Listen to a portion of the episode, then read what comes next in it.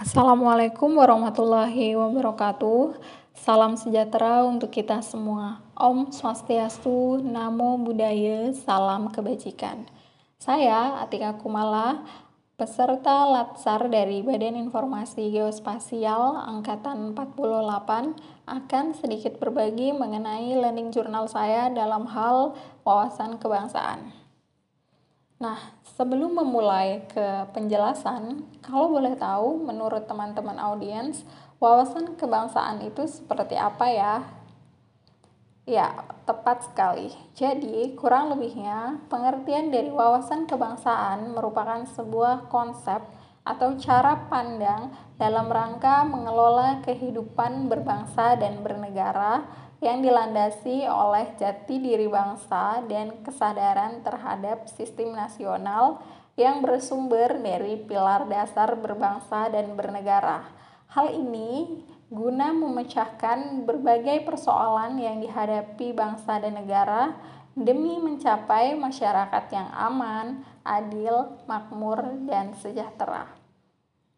Kemudian, pengertian lain mengenai wawasan kebangsaan menurut Pak Muladi, beliau merupakan gubernur Lemhanas periode 2005 hingga 2011 yang dimuat di rubrik media Indonesia. Beliau menyampaikan bahwa wawasan kebangsaan adalah cara pandang bangsa Indonesia mengenai diri dan lingkungannya, mengutamakan kesatuan dan persatuan wilayah dalam penyelenggaraan kehidupan berbangsa, bermasyarakat, dan juga bernegara. Dalam hal berbangsa dan bernegara, terdapat empat pilar dasar yang harus kita ketahui. Di antaranya, Pancasila, Undang-Undang Dasar tahun 1945, Bhinneka Tunggal Ika, dan yang terakhir adalah Negara Kesatuan Republik Indonesia. Keberadaan e, Negara Kesatuan Republik Indonesia tentu tidak dapat dilepaskan dari peristiwa proklamasi kemerdekaan pada tanggal 17 Agustus tahun 1945.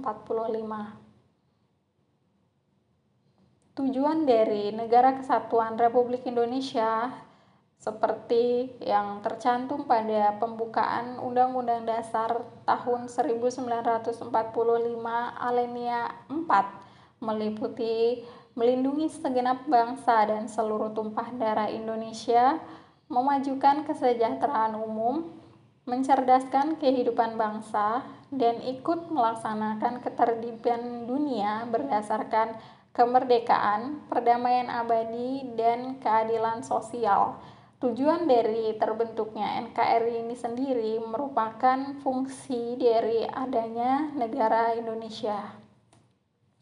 Nah, kita sebagai ASN uh, eh, harus senantiasa menjunjung tinggi kehormatan negara, pemerintah, dan martabat pegawai negeri sipil khususnya, serta senantiasa mengutamakan kepentingan negara daripada kepentingan sendiri seseorang ataupun golongan.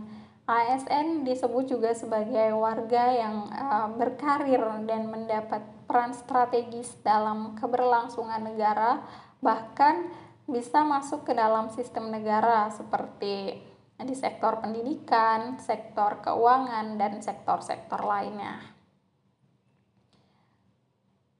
Kemudian mengenai uh, bagaimana cara menguatkan pemahaman terhadap wawasan kebangsaan khususnya untuk uh, CPNS atau ASN ini uh, ditempuh melalui beberapa strategi di mana strategi tersebut dapat berupa uh, mengikuti kegiatan prajabatan CPNS tentang materi pelajaran wawasan kebangsaan dan nasionalisme, mengikuti seminar ataupun lokakarya tentang Pancasila, pembauran berbagai etnik dan agama di berbagai tugas, menekankan jiwa nasionalis dan keberagaman, tidak mendiskriminasikan perbedaan antara mayoritas dan minoritas, menekankan atau mengutamakan penggunaan bahasa Indonesia dalam rapat kedinasan serta memberi kesempatan untuk mendapatkan jabatan di pemerintahan secara adil. Nah, sekian yang bisa saya sampaikan. Eh, segala naskah yang disampaikan pada podcast kali ini diambil dari berbagai sumber, di antaranya Rublik Online Media Indonesia, materi pelatihan dasar CPNS, laman online Badan Pembinaan Ideologi Pancasila dan Badan Kepegawaian dan Pengembangan SDM Daerah Kepulauan Bangka Belitung. Sekian dari podcast saya. Sampai jumpa di episode podcast selanjutnya. Dah, assalamualaikum.